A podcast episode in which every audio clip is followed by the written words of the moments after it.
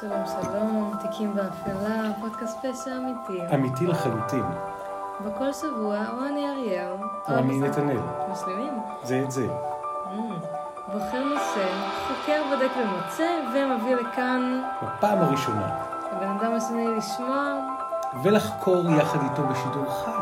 נכון, אני חושבת שכשמעלים משהו ושהבן אדם שומע אותו בפעם הראשונה, זה מוציא את השאלות הכי אה, אותנטיות. ואם יהיו לכם עוד שאלות, אם תרצו אפילו להציע לנו נושאים, אתם יכולים למצוא אותנו ברשתות החברתיות. לכם אשר לכם. בעמוד הפייסבוק שלנו, שש- בקבוצת הפייסבוק, סליחה. בקבוצת הפייסבוק שבה כתוב הכותרת שהיא תיקים באפלה, אריאל ונתנאל סמריק, שם אה, עולים כישורים, תמונות ופירוט על הפרקים. יש את עמוד האינסטגרם שלנו, שוב, תיקים באפלה, שם עולים עדכונים ופרטים ותמונות לגבי הפרקים. איפה אתם יכולים למצוא אותנו? למשל, אתם יכולים למצוא אותנו בספוטיפיי, בגוגל פודקאסט, באפל פודקאסט וב-RSS, תחת חיפוש המילים, תיקים באפלה, אריאל ונתנאל סמריק. מה המספר עשרת אלפים פלוס אומר לך? ארבע ספרות. Hmm, סך הכל מספר ההורדות שלנו, של אה, כל הפרקים. אנחנו כבר נמצאים במספר של אה, הרבה הורדות, הרבה מאוד שעות הקשבה, והכל בזכות האנשים המקסימים ששבוע אחרי שבוע נותנים מליבם, ממרצם, ועלייה ממרצם. במספר העוקבים תמיד בזמן כן, האחרון. עלייה, קפיצה... זינוק, היינו אומרים. כן, בדרך כלל בין החודשים יש אה, הכל מתון, תמיד מתונה, אבל הפעם הייתה איזה... קפיצה נחשונית, נכון, בין החודשים האחרונים. ואנחנו מאוד מאוד שמחים על זה. זה אומר שאנחנו לא שורקים לבד באמבטיה, אנחנו לא... שגם אם כן, חוויה. כן, אנחנו לא עושים לבד פיפי בשירותים, שגם אם כן, חוויה, ואנחנו לא נמצאים לבד ומבוססים. בבוץ. אפשר לסכם את זה בחוויה שאנחנו נהנים בה וסוחפת עוד אנשים נוספים לכך. לגמרי. וכל היופי הזה, כל הדבר המקסים הזה, שנקרא תיקים באפלה, מבוסס על באמת תחקירים אמיתיים של כתבות, של נושאים, שנמצאים ברשתות, של הצעות שלכם מעת לעת. והפעם, אריאל, את תחקרת, את הבאת את הנושא של השבוע. לא נכון. אה, נכון, אני זה הבאתי תורי. שבוע שעבר, אל- אל אל תלחיץ אותי. זה היה מה שקוראים בלעז פרנק. ובתרגום חופשי, מתיחה. וזה עבד, בשנייה הראשונה, באמצע השלוק. ראית את המבט שלי בהתחלה? כן, ש- גם הפרקים מצולמים, ואולי בשלב מסוים יעלו, כרגע זה התכנים נשמרים אצלנו, שיעלו כמובן שאתם תהיו הראשונים לדעת, נכון. אבל הפרצוף שלי נתפס. כן. צולם. והכל.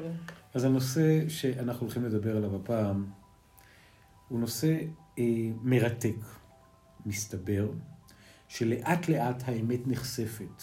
יש כתבה ענקית בנושא הזה בניו יורק טיימס מגזין, מאת הכתב ניקולס קייג'י, אה, קייסי שמתורגמת גם בעיתון הארץ, אנחנו נשלח לכם את הכתבות, והסיפור הוא שאלפי, אלפי, אלפי תינוקות בספרד נחטפו ונמכרו למשפחות עשירות, וזו פרשה שרק בתקופה האחרונה יותר ויותר נחשפת מחוץ ומקבלת... לחוק, כי בתוך החוק יש... אה, מחוץ. אלא אם כן קוראים לחוקי פרנקו וחוקי השליט הספרדי דאז חוקים שאפשרו את זה, אז בחסות החוק, אבל בהסתרה מלאה, מסתבר שהרבה מאוד, ממש אלפים אלפים מתינוקות מספרד שנולדו למשפחות עניות, נמכרו תמורת ביזנס למשפחות עשירות. יום אחד, בגיל 44, גילתה אנה בלן פינטדו, פינטדו זה צבועה בספרדית, שהוריה אינם מי שחשבה שהם. ואז, כתבה סופר מרתקת, היא יוצאת לחפש את האמת. והניו יורק טיימס מגזין מלווה אותה.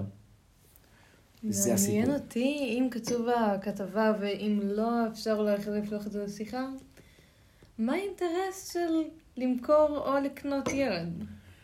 אה, התשוקה להיות אבא אפשר אבל יש צורה. חוקית לעשות את זה. אז uh, יש, צורה, יש צורה חוקית ויש uh, צורה שהיא יותר מהירה. יש צורה חוקית של אה, לאמץ ילד, של פונדקאות, שלא לא בהכרח כוללים להיכנס להיריון, אבל לחטוף ולקנות ילד. זה הסיפור. יום אחד, אוקטובר 2017, מחליטה אותה אנה לפנות קצת מחסום במחסן שלה. אבי עמנואל מת בשנת 2010, אנחנו מקליטים ב-2022, זאת אומרת לפני 12 שנה. אנשים מתים, לוקח זמן עד שנכנסים לחדרים המאובקים, עד שמסתכלים על כל הארגזים, והוא נכנס פנימה. האימא של הפטר הלכה לעולמה ארבע שנים אחריו, ב-2014. הכל צובר אבק בבית שלהם. הנה, גם קשה לגעת בזה לפעמים, אז... אז היא פותחת את הארגזים בזהירות ומתפעלת מהחפצים שבתוכם. יש שם שמלות ילדות שלה, היא מוצאת איזה בובה, איזה מילון ישן, וכל אחד מהם מזכיר לחיים שחלקו פעם יחד שלושתם, כתוב בכתבה של הניו יורק טיימס. אבל פתאום היא נתקלת במעטפה עם מסמכים שהיא אף פעם לא ראתה קודם לכן. בשונה מהבובות והשמלות הקטנות. כן, זה היה נוסטלגיה, ופה היא נתקלת בתיקים רפואיים בני עשרות שנים, שהכילו גם פתק מהרופא של אימא. פטרה טורס נכתב בפתק, הייתה נשואה במשך שמונה שנים. היא הייתה בת 31 וניסתה להקים משפחה, בסדרת צילומי רנטגן הצביעה על כך שיש לה אנומליה רחמית וחצוצרות סתומות. Mm. במילים אחרות, אימא של פינטדו הייתה הכרה. זו הבחנה משנת 1967, שש שנים לפני הולדתה. במילים אחרות, אריאל סמריק.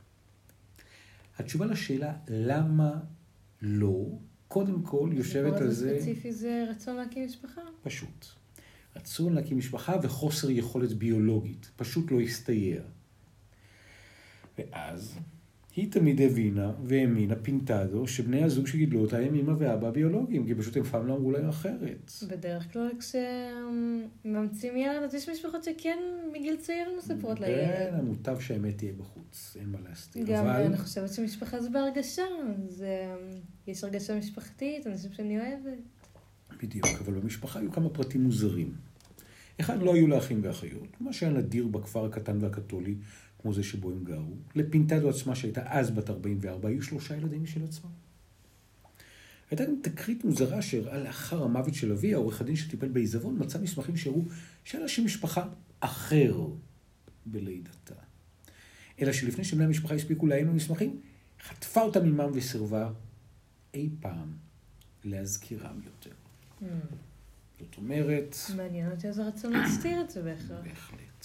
אז כשפינטדו מינה את החפצים במחסן, היא מצאה עוד מסמך שגם יצר איזשהו בלבול, איזושהי תחושה לא בהירה. תעודת לידה, שהעיד על כך שאימה ילדה בת בבית היולדות סנטה קריסטינה במדריד. אני מזכיר, כל הפרשה הזאת קורית בספרד. נראה טוב וחיונית נכתב במסמך שנשא את תאריך הולדתה, עשרה ביולי 1973. אוקיי. Okay. היה אפילו מספר חדר 22. פינטזו בוחנת היטב את תעודת הלידה ורואה שמישהו תלש את השליש העליון שלה והשאיר קצה משונן בתוך הנייר כזה, זה גלישה. מישהו התעסק עם תעודת הלידה שלה, מישהו רצה להסתיר משהו. ואז חשבתי, אומרת היא, בריאיון בניו יורק טיימס, שמתורגם להארץ דה מרקר, אולי אני תינוקת גנובה. יותר מדי סימנים מחשידים. היא יודעת על תופעה של גנבת תינוקות מבתי חולים בספרד. הגנבות אירעו בתקופת משטרו של הרודן פרנקו, ונמשכו גם אחריה. נותרו עד היום נושא שנחקר, אבל הוא במחלוקת בין החוקרים. כמה נעלמו, כמה נחטפו, כמה נגנבו, האם זה היה ברשות, האם זה היה בסמכות. היא חושבת פ... שהיא נגנבה ממש מבית החולים? כן. Mm. נשים ש... טיפה לא וואו, זה לא הילד שלי, איך אני אדע? אז זה גם מפחיד טיפה לילד שאומר, hmm, זה לא ההורים שלי. איך אני אדע? איך אני אדע? נשים שהיו לעיתים קרובות עניות או לא נשואות, סיפרו כי התינוקות נלקחו מהם זמן קצר לאחר הלידה. וכאן מצטרפת צל נוספת מרתקת בתוך התחקיר הזה, נזירות שעבדו במחלקות הילדות, אמרו להם שהילדים נולדו אה, מתים. לידה שקט- אה, לידה שקטה. כן, רק שמעולם לא בהיריון גילו את זה, טוב, לא היו אז כל כך הרבה בדיקות, והם לא זכרו והם לא מצאו ידעו. דרך, אה, אה, איזה הסבר, אה, מסתבר שהתינוקות לא בהכרח מתו. אוקיי. פשוט מצאו אה, דרך לקחת את הילד ולא להחזיר. ולמכור אותו בדיסקרטיות להורים קתולים עמידים, שרבים מהם לא יכלו להקים משפחות משלהם, מסיבות רפואיות כאלה ואחרות. אז הרצון ל- לגנוב את הילד מ- זה בשביל כביכול לדעת. בשביל הדת, בשביל המימוש. כי האמונה הזאת של אה, להקים משפחה גדולה ומרובת ילדים, יש את זה בהמון דתות. וזה גם היה ביזנס. נכון, אפשר להרוויח מזה. כן, כמה פפלינוס. אז מה אם הנפש של הילד הזה תישבר? כי האמת תמיד יוצאת לאור. אבל, כיוון שהם ידעו שהם עושים משהו שהוא מחשיד, הם לקחו ערימות של מסמכים מזויפים. הם עשו שם מניפולציות. ואז המשפחות המאמצות קברו תחת אותם מסמכים את סוד הפשע שביצעו. הילדים שנלקחו כונו בספרד התינוקות הגנובים. איש אינו יודע בדיוק כמה נחטפו, אבל יש הערכות שהם בין אלפים לעשרות אלפים. וואו. וזה חלק מהסיוט שהחל בספרד עם עלייתו של פרנקו לשלטון, שהיה השליט העריץ ששלט בספרד עם תחילת שנות השלושים. תחילת שנות השלושים הייתה ספרד בין המדינות המתקדמות באירופה ואפשרה גם גירושים וגם הפלות. אך תחת פרנקו, שעלה לשלטון, כל הזכויות בוטלו במהירות. אמצעי המניעה הוצאו מחוץ לחוק.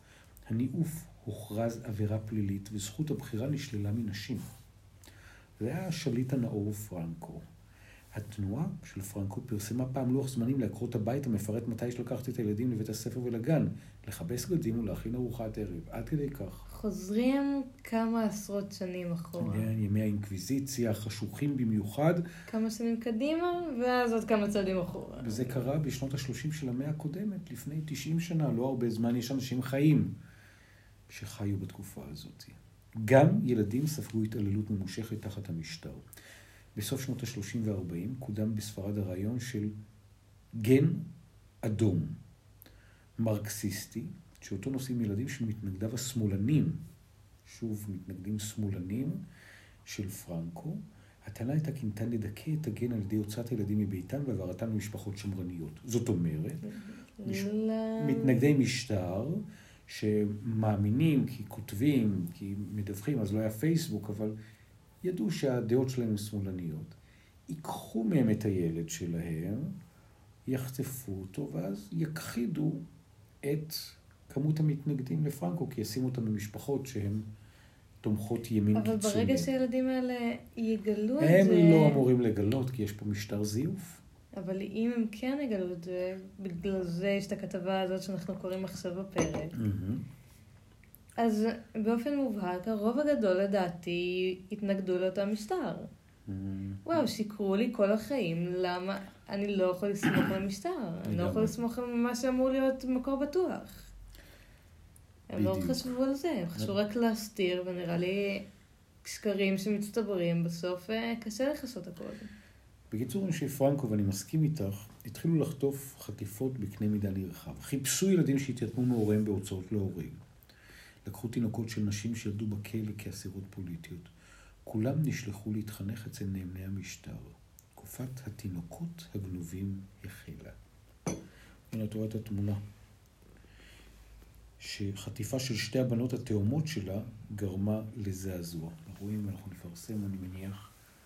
הכתבה שבה מופיעה התמונה תעלה בפייסבוק שלנו. וגם אפשר לחתוך את התמונות ולהראות אותן תשלח לי. אותה והיא תעלה בפוסט גם באינסטגרם וגם בפייסבוק. שלטונו של פרנקו סימן גם תפנית דרמטית עבור הכנסייה הקתולית, שהתירה לנזירות ולכמרים להפוך לשותפים במשטר הפשיסטי. תחת פרנקו, הכמורה שלטה במערכת החינוך ובחלק מבתי החולים. הממשלתיים. וההשפעה של הנזירות הייתה כנראה הגדולה ביותר במחלקות הסל בבתי החולים, כי סמכו עליהם.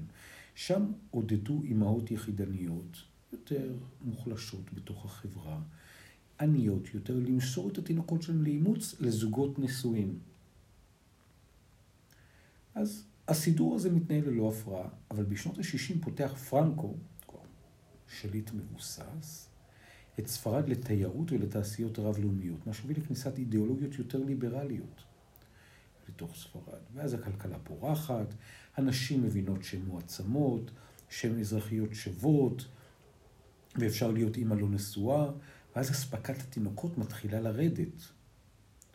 אומרת העיתונאית סולדד ארויו, שחוקרת את הפרשה, אבל אז כבר נוצר שוק שחור ענק של סחר בלתי חוקי בתינוקות, אז מה עושים? מסתבר שפה החוליה שמשלימה את זה, הנזירות. הנזירות יחד עם רופאים, יחד עם אחיות, יחד עם הילדות, מתחילות לחטוף תינוקות כדי לענות על הביקוש. כי אנשים באים עם הצ'קים, באים עם הכסף, רוצים לשלם. נשים סיפרו שהורדמו בחדר הלידה.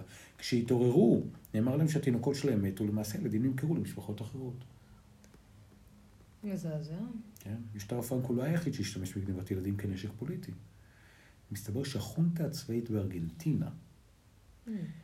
שהעלימה כ-30 אלף איש, תקופה שנקראת באנגלית הנעלמים, Los Desaparecidos, הנעלמים, היא מסרה ילדים שהתייתמו למשפחות ימניות.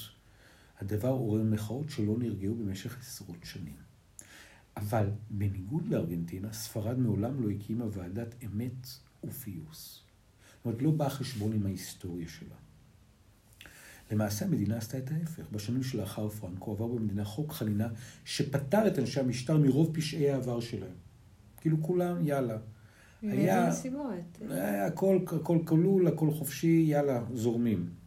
מדיניות זו שיקפה קונצנזוס שנוצר בספרד שלאחר עידן פרנקו כדי למנוע התמודדות עם המורשת האפלה של הדיקטטורה, אפילו היה לכך שם. הסכם השכחה. מה...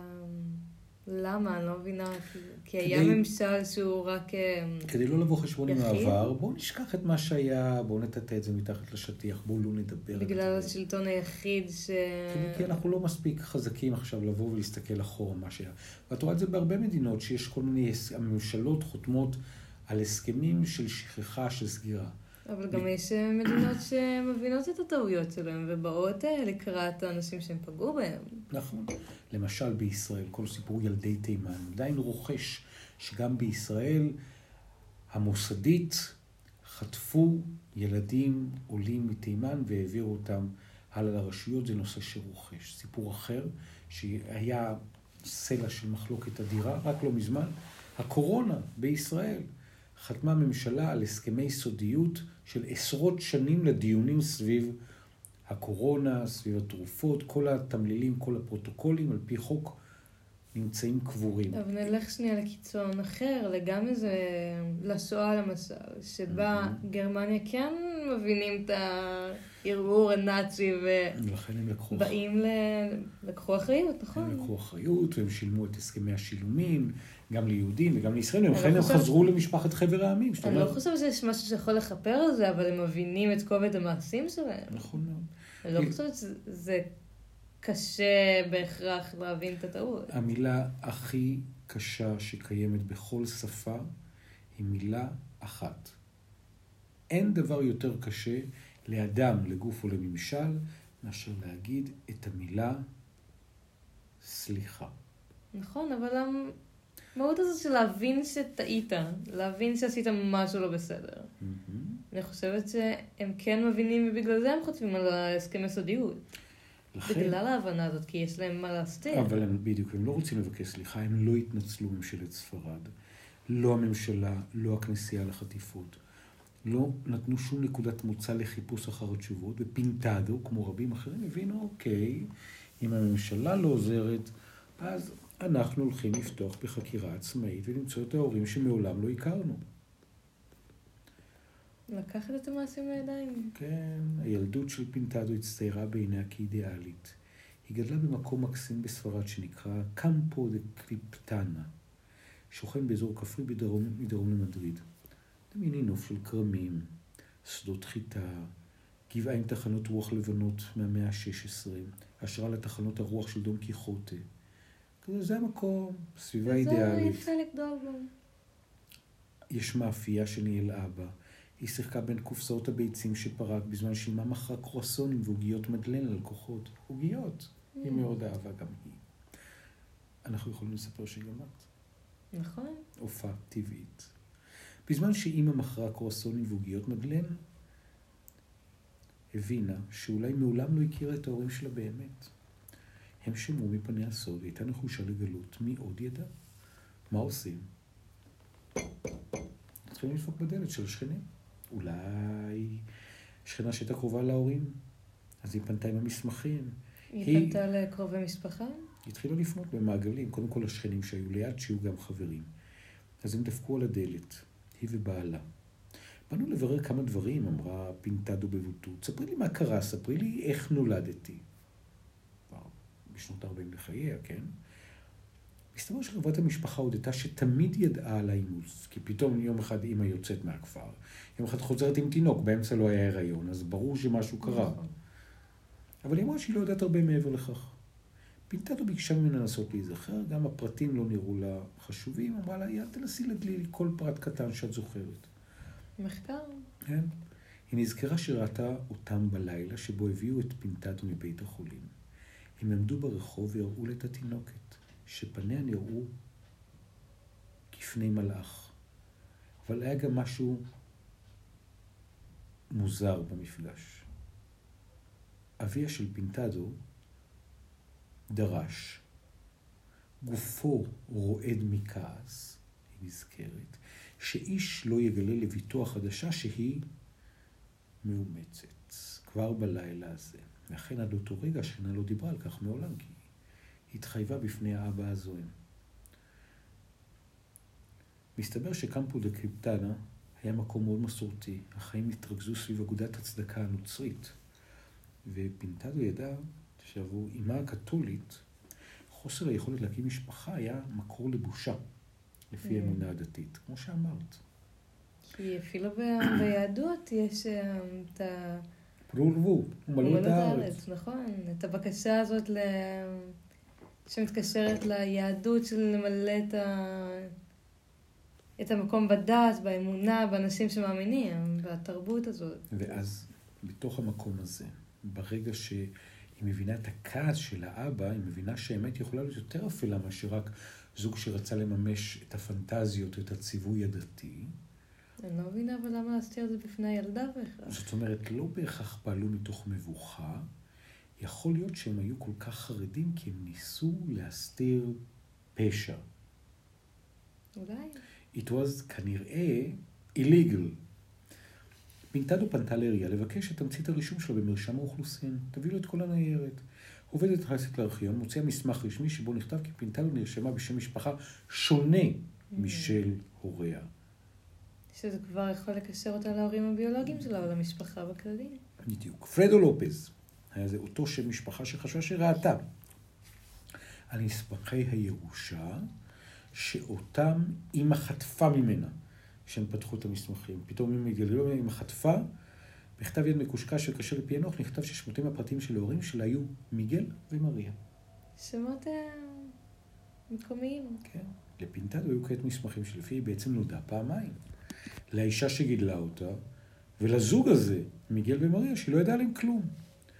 היא התחילה לעבור בכפר, דלת אחרי דלת, דלת אחרי דלת. היא קיוותה שכעת, אחרי ששני ההורים מתים, אנשים נוספים יסכימו לספר, לתת כמה פרטים, נכון, כן, לתת את את המידע. החוצץ הזה שההורים יצרו. חלק מהחברים של ההורים כבר מתו, אחרים טוענים שלא ידע, אבל לאחד השכנים היה סיפור שבילטדו מעולם לא שמעה. כשאימא הייתה בחיים, היא וקבוצת חברים היו נפגשים בשבתות. באחד המפגשים היא סיפרה על הלילה שבו הובאה פינטדו ממדריד. תמיד האמת יוצאת, תמיד חייבים לספר את הסיפור.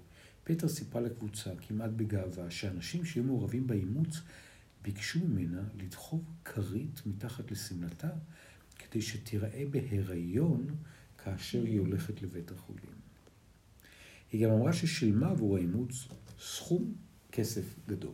שבסופו של דבר יגיע לאנשי הדת.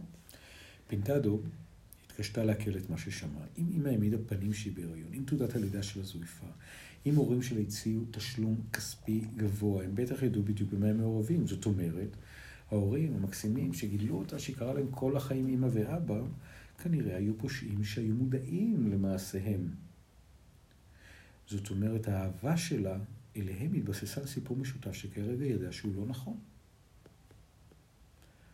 ואז תחושת הבגידה שלה הפכה לכעס מתואר בכתבה שמתפרסמת במגזין של הניו יורק טיימס.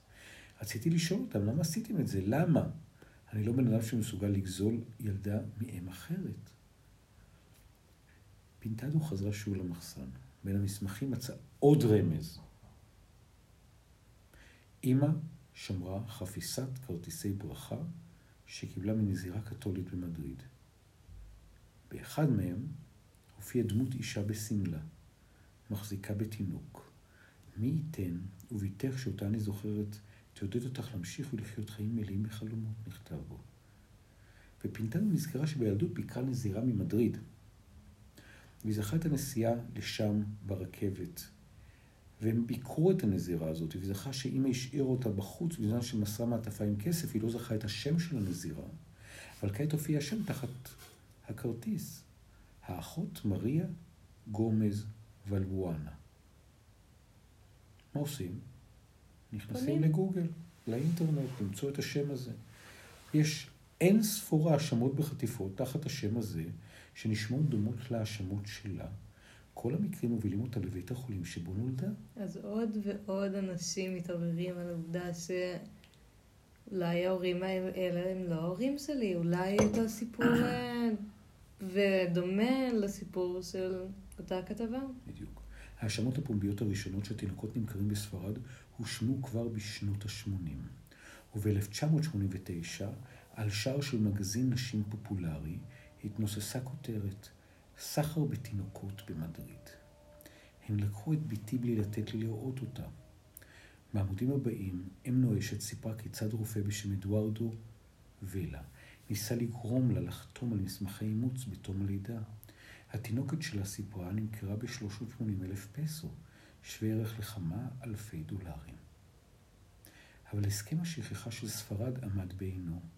האשמות נוספות בגניבת תינוקות זכו בעיקר להתעלמות. כי אצלם הכוח, אצל אותם סוחרים נמצא כוח להשתיק. השופטים, שהחזיקו בתפקידים עוד בתקופה של פרנקו, אמרו שהם לא מוכנים לדון בתיקים, אפילו שמשטר פרנקו נפל בשנות ה-70 של המאה הקודמת, לא מזמן. שנות ה-70 של המאה הקודמת, יש פה אחד שקשור לפודקאסט שנולד. זה אני. Mm. זאת אומרת, זה לא היה לפני עידן האבן, יש אנשים בחיים מאז. מערכת בתי החולים המשיכה לפעול תחת ניהולן של אותן נזירות במשך שנים. רק בתחילת שנות האלפיים התחילו הדברים להשתנות. ב-2004 הובסה הממשלה השמרנית על ידי חוסה לואיס רודריגס פרטו, סוציאליסט, זאת אומרת איש שמאל. הוא נכנס לתפקיד עם תוכנית לטפל בפצעי העבר. ואז חוקקה ספרד את חוק הזיכרון ההיסטורי, שגינה את הפשעים של משטר פרנקו והכיר לראשונה באופן חוקי בקורבנות שלו. ואז דור חדש של קורבנות התחיל לצוץ. הפעם זה לא האימהות שהביאו את התינוקות, אלא הילדים שגדלו כעת וחיפשו את ההורים הביולוגיים. אז הם התחילו להקים ארגונים והתחילו לחקור את החטיפות. אז הממשלה שהוקמה אחריו, שהייתה ממשלת שמאל, נתנה לדברי עבר קול ו... נתנה להם לגיטימציה לבוא ולהתחיל לחקור אותם ולקחה אחריות ראשונית על זה. ומסתבר שבמשך עשרות שנים, שנות המשטר של פרנקו, 15% מהאימוצים בספרד בוצעו ללא הסכמת ההורים הביולוגיים, ופה הפשע הגדול. הרי אפשר לאמץ ילדים נכון. בהסכמת ההורים, אבל היה יותר ביקוש. באמת יש הורים שמחליטים לשלוח ילד לאימוץ, כי... כי ככה. ואז מסתבר ש-15% מבוצעים ללא הסכמה, ואז ב-2011 הגישה הקבוצה את התביעה הראשונה שלה. בשמם של מאות, 261 אנשים שטוענים שהם קורבנות של חטיפה, כך לפי הכתבה. ואז התביעה הזאת יצרה סנסציה, ונחשפו מקרים נוספים. בתוך חודש אחד עלה מספר התובעים ל-747. בשל הלחץ הגובר פתח התובע הכללי בחקירה משלו, ומספר המקרים טפח כעת ליותר מ-2,000. וואו. החשד הראשון היה ולה. רופא נשים שהוזכר בכתבה מ-1989. ואז גם התחילו לחפש חומרים על אותה אחות, נוצריה, מריה גומס אלבואנה, הנזירה שפינתה או ביקרה בילדותה ושעברה בצמוד לבואלה. מסתבר שמי שהעיד גם נגד האחות, מריה, הייתה אשת תחזוקה שעבדה בבית החולים. למה לא עשתה עם זה כלום עד אז? בגלל הממשלה המדחיקה? בגלל הממשלה, בגלל שהיא לא רצתה להגדיל ראש, בגלל שכנראה המצפון לא מספיק אה, כאב. כשדיברתי איתה באביב האחרון, היא ביקשה לפרסם רק את ראשי התיבות שלה, בשל חשש מנקמה על כך שעבדה בבית היולדות, חשש שיבולע לה. גם מפחד. מסתבר שהמשרד של האחות מריה, בסנטה, קריסטינה, היה ממוקם בקומה השנייה. מעליה הייתה התינוקייה, שם היו הריסות אדומות וכחולות לאורך הקיר. בקומה החמישית בבית החולים, כך היא מתארת, היו מקרים של סעד, שהתאוששו אמהות לא נשואות ועניות שנזקקו לסיוע מהמדינה לאחר הלידה. ניקיתי את המשרד שלה, היא אמרה, וראיתי את הכל. היא זוכרת, היא התחילה לעבוד שם בתור נערה צעירה, אותה י"מ, וזכה שאחות מריה הייתה חמורת סבר ונוקשה. אבל ההתנהגות שלה כלפי הנזירות, כלפי הנשים הלא נשואות בקומת הסעד, הפתיעה אותה יותר מכל. היא כינתה את הנשים האלה המסכנות כופרות. מולן? כן, וחתרניות. לפעמים אפילו בפניהם. ורבים מהתינוקות היא דיווחה עליהם כמתים, אפילו שהיא, אומרת העוזרת שלה, ראיתי אותם בחיים כמה שעות קודם לכן. היו שמועות שגופות של ילוד אחד לפחות נמצאה במקרר. היא לא ידעה למה.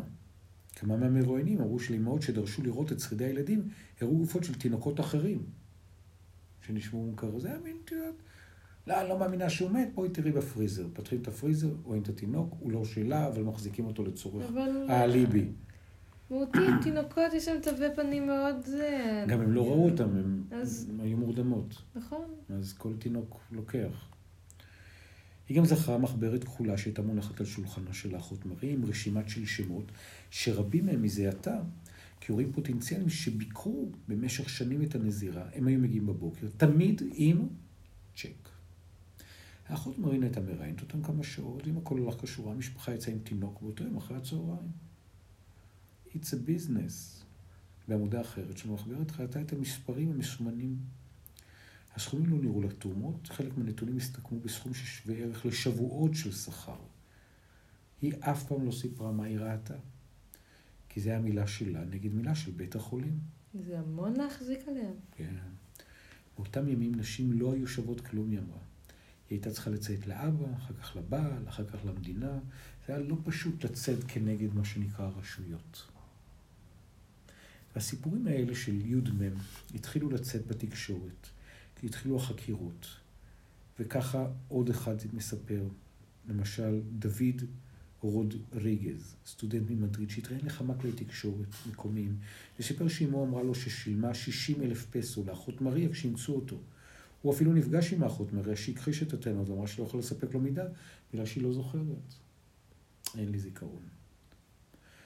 וב-2011 מסרה נזירה הצהרות דומות בראיון עיתונאי. מאומצים לא צריכים לחפש את הוריהם הביולוגיים כי הם לא ימצאו אותם, אמרה שם. אם את מסתירה אותם, אז אף אחד לא ימצא אותם. בקיצור, ככה זה עובד.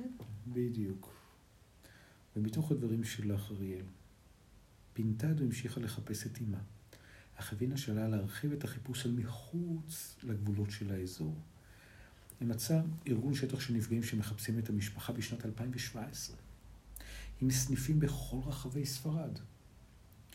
היא נפגשה עם המייסדת, שילדה את בנה השני ב-1985 ימים לאחר מכן, רופא אמר לה שהתינוק מת מתקף לב באינקובטור וסירב לתת לה לראות את הגופה. חמישה ימים היא כבר יכלה לזהות תווי פנים. עם השנים החלה רודריגו לפקפק בסיפור הזה. היא הזהירה את פינטזו שצפויה לדרך קשה. רק 12 מתוך כמעט 400 חברי הקבוצה מצאו את משפחותיהם. וואו. זה נתון מאוד קטן. זה עצוב שזה ככה. כן, לרודריגו עדיין לא היה מושג אם בנה חי. אם ימצא אותו, הוא לא יהיה הבן שלי, פשוט יהיה אדם שילדתי, אמרה. כי לא את החיבור הרגשי. אבל למרות זאת היא עודדה את פינטדו להמשיך בחיפושים והפנתה אותה למשרדי הממשל במדריד, שסייע לחברי הקבוצה לקבל מידע. ואז ניסתה פינטדו גם לעשות מעשה חסר סיכוי. לכתוב מכתב לכל המשפחות שמצאה עם שמות המשפחה פרדו ולופס. לופס הוא שם נפוץ בספרד, כמעט אחד מכל חמישים נושא את שם המשפחה הזה.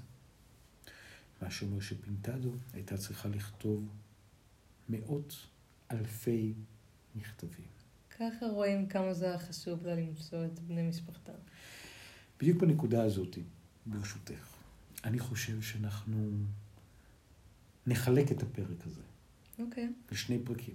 נעצור כאן עם הכתבה הזאת שמתפרסמת במגזין הזה של הניו יורק טיימס ומתורגמת באופן מאוד מאוד מרתק בעיתון אתה הארץ. רוצה שכשהפרסום לגבי הפרק יעלה, גם יעלה הקישור בטח, לכתבה? או- בוודאי, בוודאי, אנחנו נעלה, כי אנחנו ההמשך נשתף. שלנו יעלה בעוד שבועיים, בהמשך. של הפרק שלך. אני מיד אה, לתת כמה שיותר, אנחנו נסמכים גם על עוד מקורות, ונביא ונעבה, ונראה לי שווה. ביותר. אז אמ, כשהקישור יעלה בעמוד הפייסבוק, תוכלו לקרוא ול... להתחבר עוד, נכון, ואם ואפילו- תרוצו עוד עם ההמשך של הכתבה, גם זה לטובה. אני חושבת שגם יש משהו טיפה אחר בלשמוע אנשים מדברים על זה ופותחים את זה לשיחה, מרק לתנו- לקרוא כתבה. בדיוק. אריאל, תובנות שלך. וואו, מעניין אותי מה... אם היה לאותם סוחרים ותינוקות איזה איסורי מצפון? כי הם מאוד הצמידו לגבי הסקר, הם מאוד הכחישו. סוגיה, האם באמת אה, הם ישנו טוב עם עצמם בלילה? האם הם חיו בשלום עם השקר, עם הגניבה, עם ייסורי המצפון, או שהם אה, בסופו של דבר באו ואמרו, מתאים לנו. כי הם הלכו עם business. זה רחוק כן? מאוד. זה היה חסות הממשל, הייתה מדיניות של בתי חולים, ואנחנו שלמים עם מה שעשינו. תיקים באפלה. כאן אה, אנחנו מסיימים את הפרק הזה. יש לך מילים אחרונות לפרק? כן. אין גבול ליופי האנושי ואין גבול לרוע שבני אנוש נטולי גבולות יכולים להגיע אליו. נכון, מסכימה. קל לשחק עם זה, אבל גם החוזק האמיתי זה להחזיק את זה שנייה ולהתבונן במעשים לדעתי. והאמת תמיד יוצאת לאור. נכון. תמיד לוקח זמן, עשרות שנים, מאות שנים, אלפי שנים. כמה בסוף, פתק. פתק אחד נשלח, מישהו מרגיש משהו לא טוב בבטן, והדברים יוצאים. לדעתי ב- בשקר קשה מאוד להתמיד. לצבוע את כל ההיבטים. תיקים באפלה כאן אנחנו מסיימים. תודה רבה מאוד מאוד מאוד לאריאל סמריק.